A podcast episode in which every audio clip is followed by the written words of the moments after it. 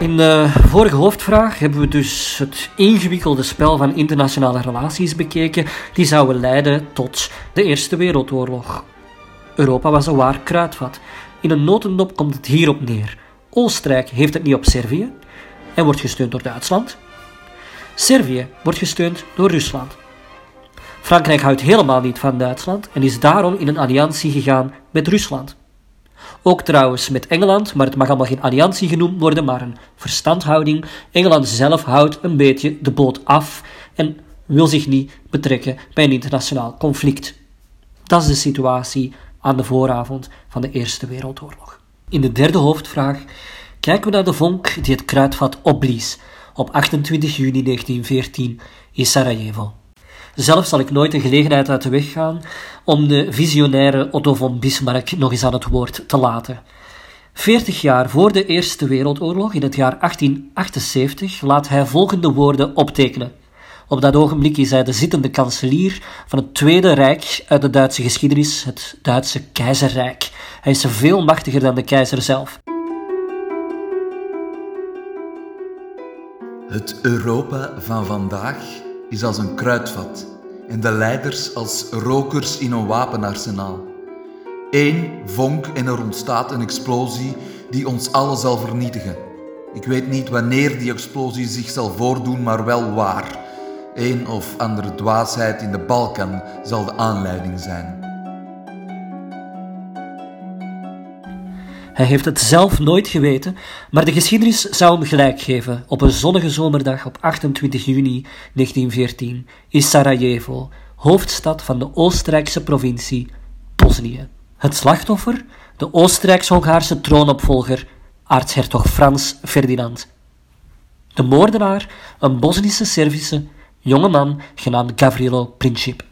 Frans Ferdinand, het slachtoffer, was helemaal niet zo geliefd bij de keizer van Oostenrijk-Hongarije, Frans Jozef. Frans Jozefs leven was getekend door rampspoed.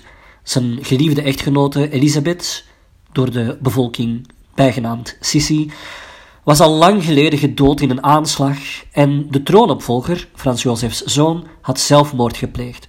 Bovendien vond hij de ideeën van Frans Ferdinand veel te modern en was Frans Ferdinand met een vrouw getrouwd die van adel was maar niet van prinselijke bloeden. Frans Ferdinand had vrij liberale, moderne opvattingen voor zijn tijd. En historici vandaag vermoeden dat als Frans Ferdinand niet doodgeschoten was, de volkeren in de Balkan, hoogstwaarschijnlijk binnen Oostenrijk, veel meer rechten zouden hebben gekregen. Dus dat eigenlijk de aanslag een maat voor niks geweest zou zijn. Maar dat is wat als geschiedenis en dat brengt ons niet zo ver.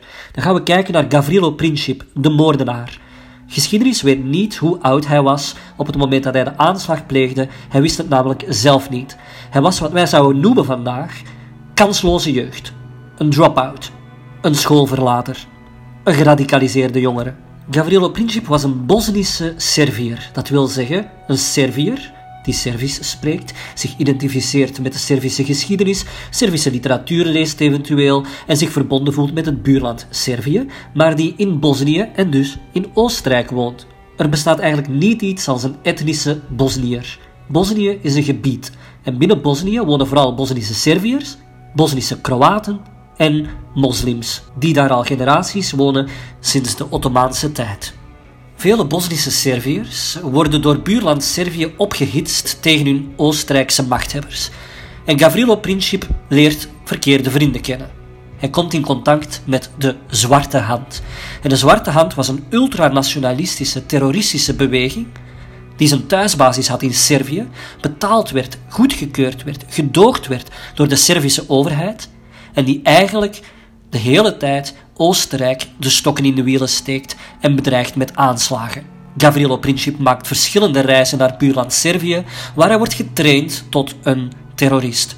Hij leert schieten, hij krijgt geld en samen met enkele kompanen beraamt hij een aanslag op het leven van de Oostenrijkse kroonprins die op 28 juni 1914 een bezoek gepland heeft aan Sarajevo. Achteraf gezien was de keuze voor 28 juni misschien al fataal. Voor Frans Ferdinand en zijn vrouw was het hun huwelijksverjaardag. Zij hadden reden om te feesten. Maar het is ook de Servische nationale feestdag, tot vandaag, die door Serviërs binnen Servië, maar ook erbuiten, wordt gevierd als een dag om trots te zijn op je nationaliteit als Serviër. Vele Serviërs beschouwden het dan ook als provocatie dat de Oostenrijkse kroonprins uitgerekend op die dag kwam tonen wie de toekomstige machthebber zou zijn. Nu, de aanslag zelf die blonk uit in amateurisme. Gavrilo Princip had zich samen met twee medestudenten opgesteld langs de route waar langs de wagen, de open wagen met Frans Ferdinand en zijn echtgenote Sophie, zou passeren. Uiteindelijk, volgens de planning, was Gavrilo Princip maar de derde optie. De derde moordenaar die pas een bom zou moeten gooien als de vorige twee gefaald waren in hun opdracht. De andere twee samenzweerders faalden in hun opdracht. De eerste zou een bom moeten gooien van op een brug waaronder de auto passeerde en hij durfde uiteindelijk niet.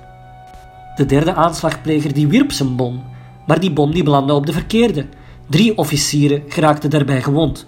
Die tweede aanslagpleger die probeerde vervolgens zelfmoord te plegen, maar het flesje Siankali dat hij trachtte te drinken was vervallen en hij braakte het gewoon uit. Vervolgens sloeg hij op de vlucht, sprong hij de rivier in, maar belandde hij per ongeluk in het gebied waar de rivier maar 20 centimeter diep was, dus hij brak zijn benen, hij werd opgepakt en gevangen gezet. Toen heeft Gavrilo Princip het opgegeven en met de staart tussen de benen is hij naar een café gegaan, een delicatessenzaak, om daar zijn verdriet te verdrinken.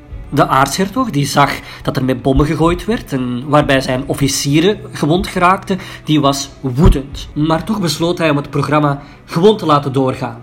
En na een kort bezoek aan het stadhuis vertrok het hele gevolg naar het hospitaal om daar de gewonden uit de volgauto te gaan bezoeken.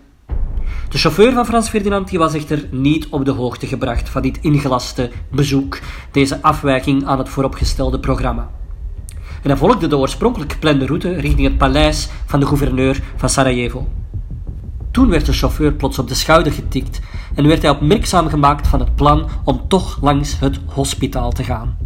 Hij stopte de wagen en toen ontspon er zich iets wat vandaag recht uit een deurencomedie zou kunnen komen of een aflevering van FC de Kampioenen. Hij remde namelijk in een straat, vlak bij de delicatessenzaak, waar Gavrilo Princip zijn verdriet zat te verdrinken omwille van de gefaalde aanslag op Frans Ferdinand. Frans Ferdinands chauffeur moest rechtsomkeer maken. Maar wagens in die tijd hadden nog geen achteruit. Dus begonnen de inzittenden de wagen stilletjes aan naar achteren te duwen, zodat het op een gegeven moment de juiste straat kon inslaan richting het ziekenhuis. En op dat ogenblik wandelde Gavrilo Princip het café uit. Tot zijn grote verbazing zag hij de stoet van de aartshertog achteruitrijdend voorbij komen. Hij bedacht zich geen moment. Hij dacht waarschijnlijk dat het goddelijke voorzienigheid was. Hij sprong op de wagen, hij trok zijn geweer uit zijn zak en vuurde twee schoten af op de kroonprins en zijn vrouw. Zijn vrouw, Sophie Chotek, die stierf vrijwel meteen door een schot in haar buik. En Frans Ferdinand zei: Sophie, Sophie, sterf niet, blijf leven voor onze kinderen. En toen werd hij in de nek geschoten door het tweede schot van Gavrilo Princip. En het aartshertogelijke paar stierf op die fatale dag.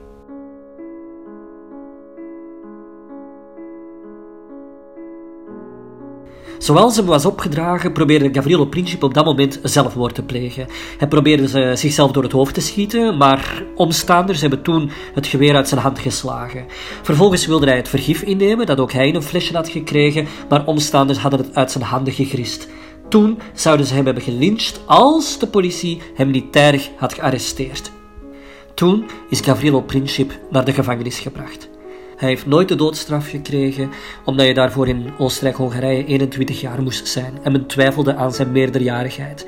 Men heeft nooit exact geweten hoe oud Gavrilo Princip was, omdat hij geen geboortedocumenten had. Met deze moord begon de Eerste Wereldoorlog, hoewel het nauwelijks voorpagina nieuws was in Europese kranten de dag erna. Gavrilo Princip zal wegrotten in de gevangenis, zal in 1918 sterven in zijn cel aan tuberculose en zal nooit geweten hebben wat voor een gevolgen zijn ene politieke daad hadden gehad. De aanslag op Frans Ferdinand vond plaats op 28 juni 1914. In hoofdvraag 4 gaan we zien hoe dit ene schot een hele kettingreactie aan internationale diplomatie in gang zal zetten, die zal culmineren in de allereerste wereldbrand Historici laten de Eerste Wereldoorlog beginnen op 28 juli, exact een maand later. En dat moet de heetste zomermaand van de hele 20e eeuw zijn geweest.